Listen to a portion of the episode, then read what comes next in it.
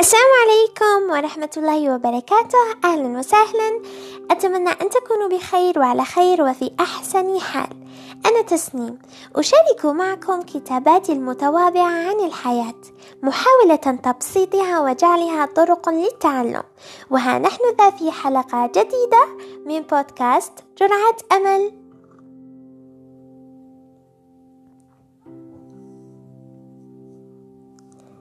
من أكثر المشاكل التي يمكن أن تحدث للإنسان هي صعوبة تقبله لنفسه سواء كمظهر خارجي أو مضمون داخلي. يتمنى دائما أن يصبح شخص آخر ليكون كما يريد المحيط الخارجي ويكون فقط محط إعجاب. تتمنى لو كانت أجمل لكي لا تسمع كلمات تشعرها بنقص جمالها. على حسب ظنها طبعا. ويتمنى لو كانت شخصيته أقوى لكي يسمع الثناء والمدح ممن حوله ككلمة ما أقواه.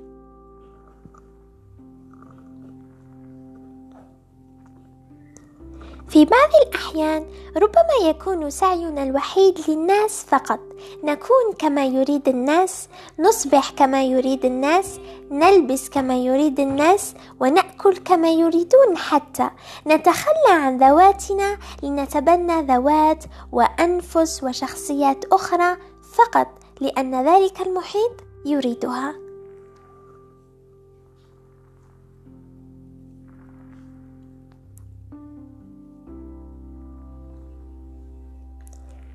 كما نعلم أن لكل حدث دافع جعله يحدث فلمشكلة عدم تقبل النفس أيضا عدة أسباب متباينة. أهمها تزعزع الثقة بالنفس. بحيث عندما يشعر الإنسان بعدم ثقته بنفسه وتردده الدائم في فعل أي شيء لا يستطيع تقبل نفسه وذاته ويراها دائما محتاجة لعدة عناصر عليه استحداثها. أما كسبب ثاني فنستطيع تصنيف التربية الخاطئة.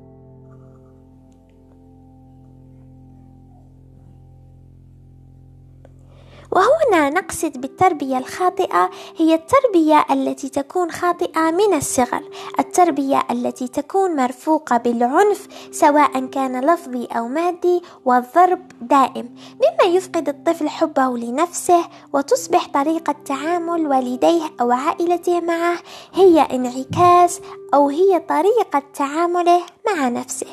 وكما نعلم أن الجميع كما نعلم جميعا أن الأطفال هم عبارة عن صفحة بيضاء.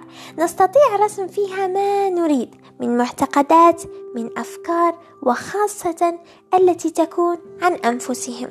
وفي كبرهم سنحسد ما زرعنا سواء كان ذلك الزرع سيء أم جيد.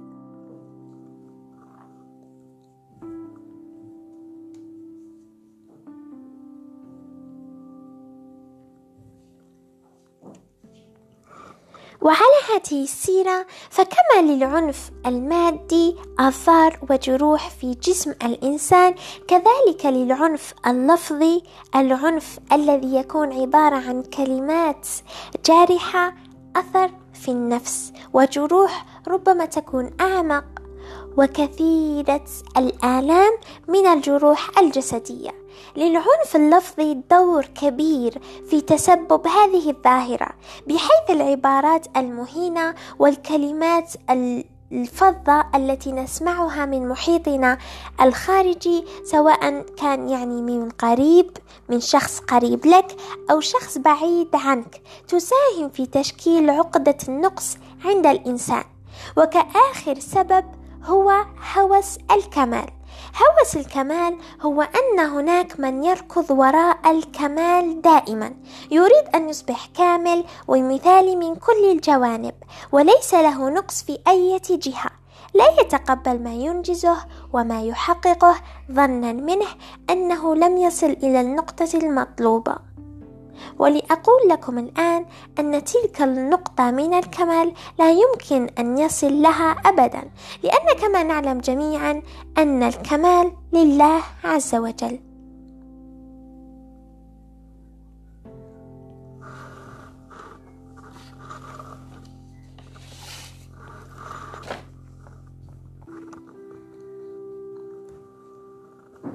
وبطبيعة الحال وكأي توقع من المهم البحث عن ما يخفف أو ينهي هذه المشكلة.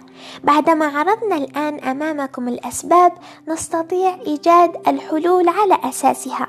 فهذا من ضمن استراتيجية حل المشاكل والمسائل بعد الاعتراف بها.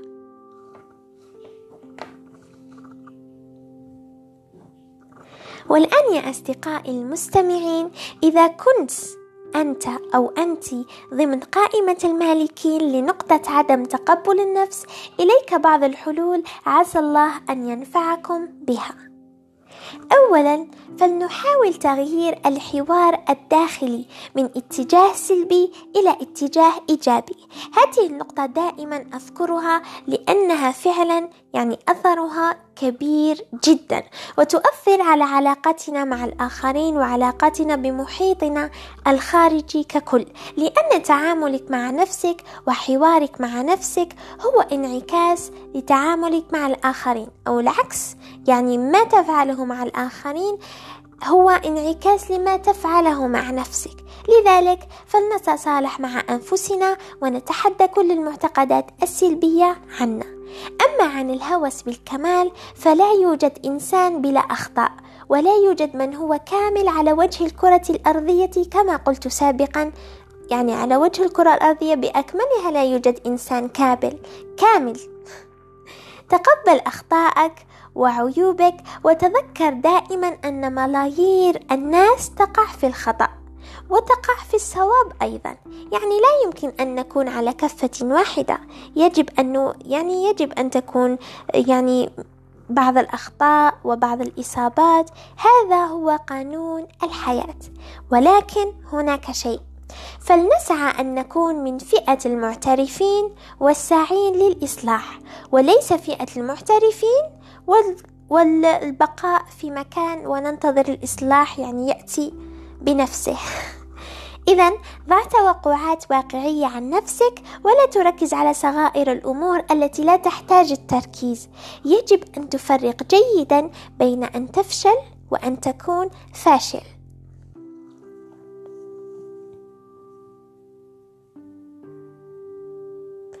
كما أن هناك نقطة دائما أحذر منها وهي مقارنة النفس مع الآخرين. لا تقارن نفسك مع غيرك لأنني دائما أقولها النفس ونفس أخرى لا يتشابهان. لا يتشابهان. لكل شخص مميزاته لكل شخص اهتماماته لكل شخص عيوبه لكل شخص صفاته.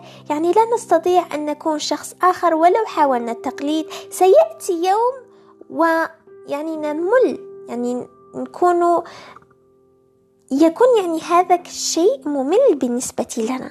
إذا لا تقارن نفسك مع غيرك بالعكس قارن نفسك مع نفسك طور من نفسك اعتني بصحتك ومظهرك وتقبل جمالك. وتذكر دائما أن هذا الجمال هو في الأخير من خلق العليم الحكيم.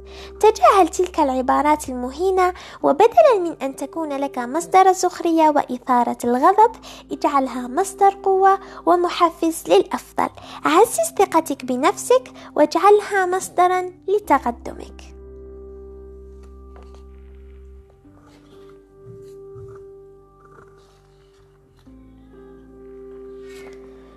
وكرسالة أخيرة لكل من يسمعني الآن من أب وأم وأخت وأخ وصديق وصديقة وأيا كان وإلى نفسي أيضا.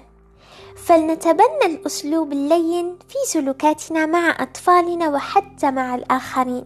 لا يمكن للإنسان أن يضبط نفسه دائما هذا صحيح لكن على الأقل نرجو أن لا نكون ضمن الأسباب المؤدية لخلق المشاكل النفسية عند أي مخلوق.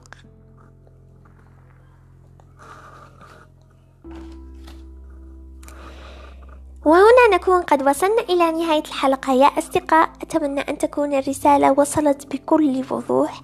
أعلم أن هناك من تحدث عن هذا الموضوع واعذروني على صوتي. أعلم أن هناك من تحدث عن هذا الموضوع لكن أردت يعني أن أتحدث عنه بأسلوبي الخاص لأنه موضوع مهم جدا وصراحة موضوع يعني لي الكثير. لذلك أتمنى أن أكون أفدتكم ولو قليلا. نلتقي في عدد آخر إن شاء الله. كانت معكم تسنيم بوادي في جرعة أمل.